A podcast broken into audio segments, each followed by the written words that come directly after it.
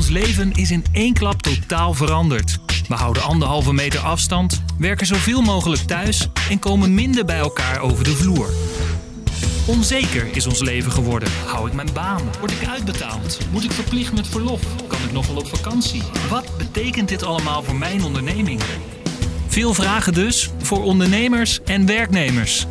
Eén ding is echter zeker. Met elkaar komen we eruit.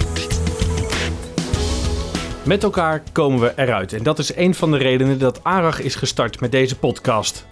ARAG wil het recht toegankelijk maken voor iedereen en daar hoort deze podcast ook bij. Ik praat in de komende weken met juridische experts en ervaringsdeskundigen over onderwerpen die ons allemaal aangaan. En vandaag hebben we het over de TOZO, een hele mond vol voor tijdelijke overbruggingsregeling zelfstandige ondernemers.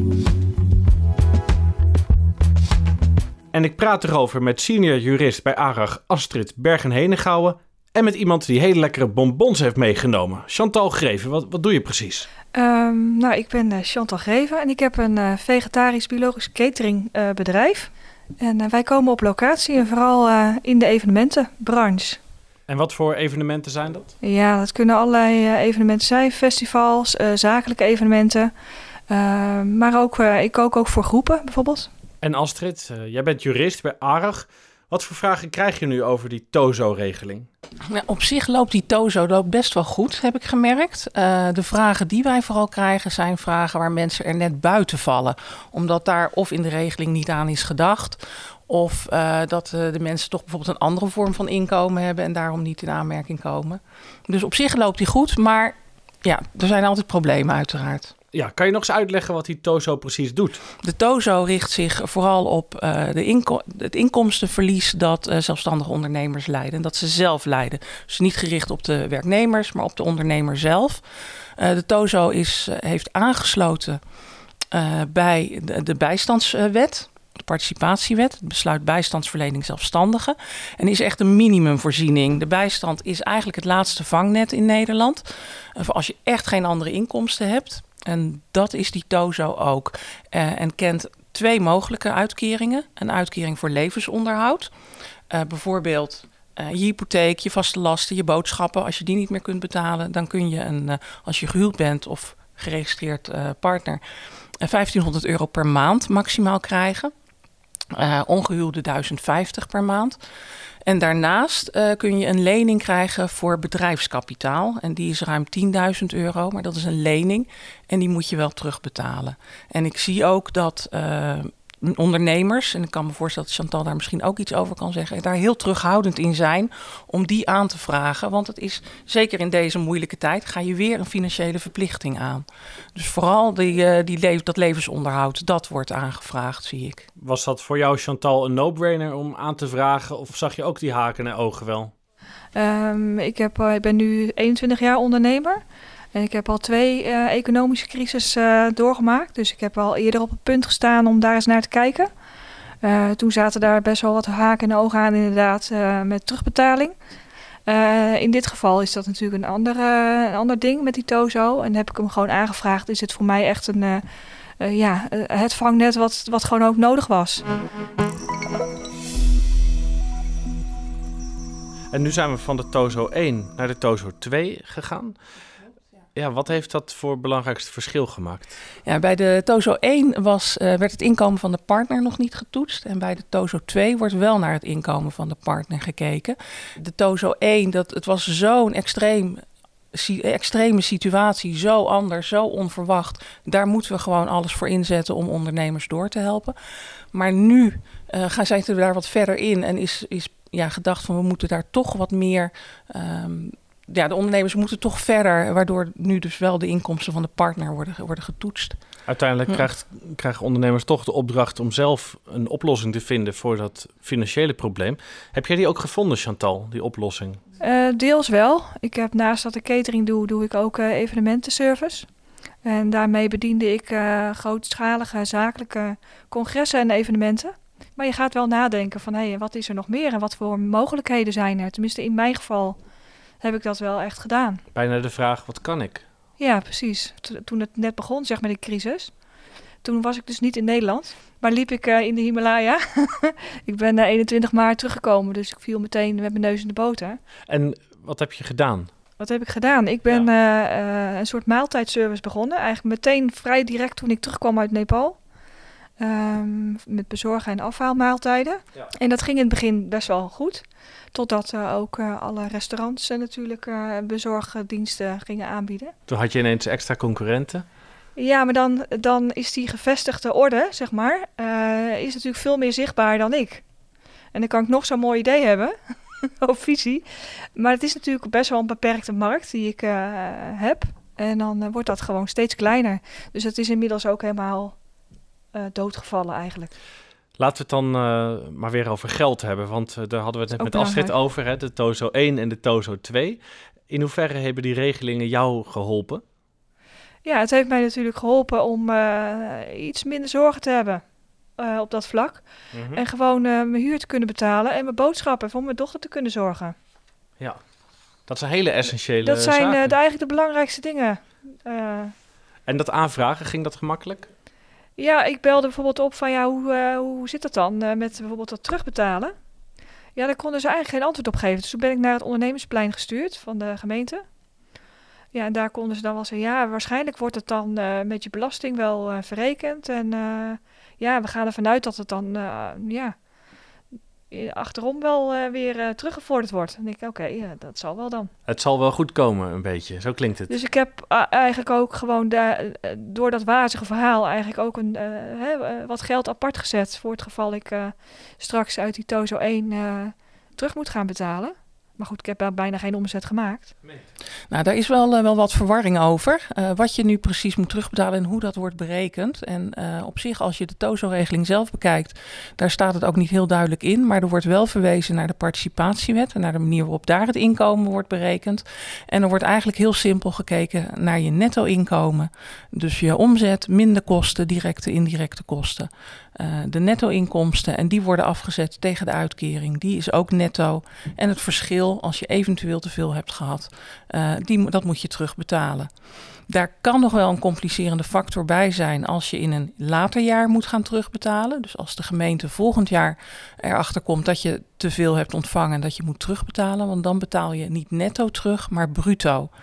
En bruto is dan netto plus de loonheffing. De loonheffing heeft de gemeente namelijk al afgedragen aan de fiscus, kan dat niet meer intern verrekenen. Dus dan moet jij netto plus loonheffing is bruto terugbetalen. Maar dat uh, bruto bedrag, dat, die loonheffing, die kun je weer als negatief inkomen in mindering brengen uh, bij je belastingaangifte van dat jaar en krijg je het weer terug van de fiscus. En wat ik hoor is dat je duidelijk de gemeente op de hoogte moet houden van hoe je zaken lopen. Er staat in de wet heel duidelijk dat je zelf verplicht bent om inlichtingen te verstrekken. Ja, en dat is heel erg ruim. Dat is vervelend. Dat is Ja, heel erg ja. ruim. Je moet eigenlijk alles doorgeven wat- wat heel eventueel misschien wel van invloed zou kunnen zijn op jouw recht op die tozo. Ja, en krijg je dan een besluit waar je het niet mee eens bent, waarvan je zegt van ja, ik ben niet eens met een eventuele boete, want ik heb het wel doorgegeven, of die berekening van de gemeente over mijn inkomsten, die klopt niet, dan is het zaak om binnen zes weken bezwaar in te dienen. En die termijn is echt heel streng. En ik kan me voorstellen dat dat heel veel onzekerheid geeft eh, bij, eh, bij de ondernemers. Zeker als Ja. ik daar heel slecht over geïnformeerd ben door eh, Ja. de sociale dienst. Ik ga ervan uit dat, dat als je inderdaad omzet maakt en je gaat winst maken, dat je een deel van die winst moet betalen. Dat vind ik ook niet meer dan normaal. Hè, dat is ook ondernemen. Je moet wel bewust zijn met hetgeen wat je doet. In de keuzes die je maakt, ook hiermee.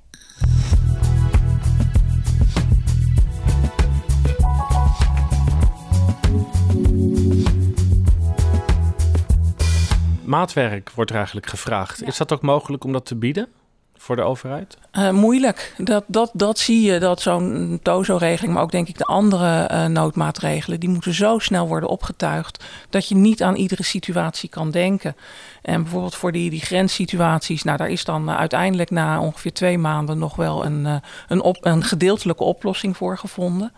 Maar voor andere situaties ook gewoon niet. En ja, dat is heel moeilijk. En eh, voor ons ook heel vervelend om, om dat soort mensen een, eh, een antwoord te moeten geven.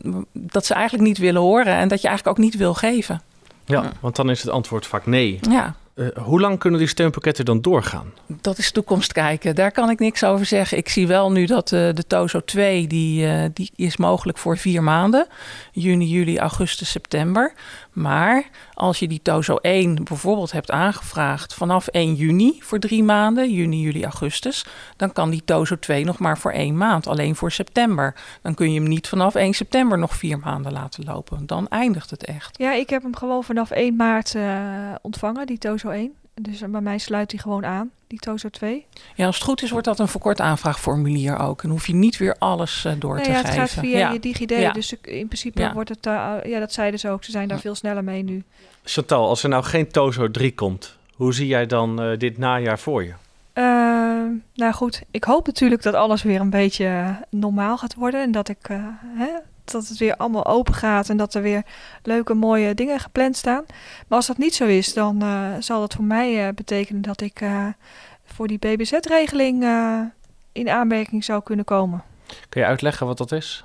Ja, de, de BBZ is het besluit bijstandsverlening zelfstandigen.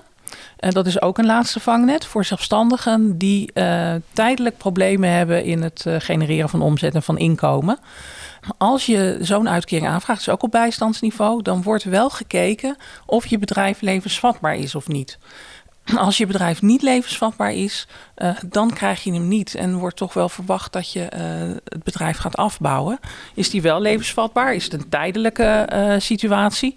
Bijvoorbeeld iets heel anders de straat voor je, voor je pand wordt uh, opgebroken ja, en uh, al je leveranciers en je klanten kunnen niet komen. Dat is duidelijk tijdelijk. Dan kan dat tijdelijk worden opgevangen met zo'n bijstandsuitkering vanuit het BBZ. Ja, je hebt al aangegeven dat je heel creatief wordt van nieuwe dingen doen, nieuwe markten verkennen, nieuwe klanten ontmoeten. Geef je dat ook vertrouwen voor de toekomst of is dat toch nog vooral een onzekere tijd? Het blijft natuurlijk enigszins onzeker, maar ik ben wel heel erg veel vol vertrouwen, zeg maar. Ik heb echt bewuste keuzes gemaakt in mijn ondernemerschap. En ik denk ook echt dat ik iets, uh, iets te bieden heb. Dus dat, uh, dat hou ik graag vol. Ja. ja. En wat is jouw advies aan ondernemers die jou bellen? Nou, hou in ieder geval heel goed in de gaten wat jouw inkomen is, wat je omzet is. Geef dat op tijd, tijdig door aan de gemeente. Uh, daarmee kan je een boete voorkomen. Ben je het niet eens met een besluit van de gemeente over jouw rechten op dozo? Uh, ga op tijd in bezwaar. Hou, uh, let echt op die zes weken, want dat is zo ontzettend streng. Als je bij wijze van spreken vijf minuten over twaalf uh, na zes weken en een dag bezwaar indient, ben je gewoon te laat. En dan staat het, die beslissing vast, kun je er niks meer aan doen. Dus dat is wel heel belangrijk. Hou je echt aan die zes weken bezwaartermijn. Let daar heel goed op.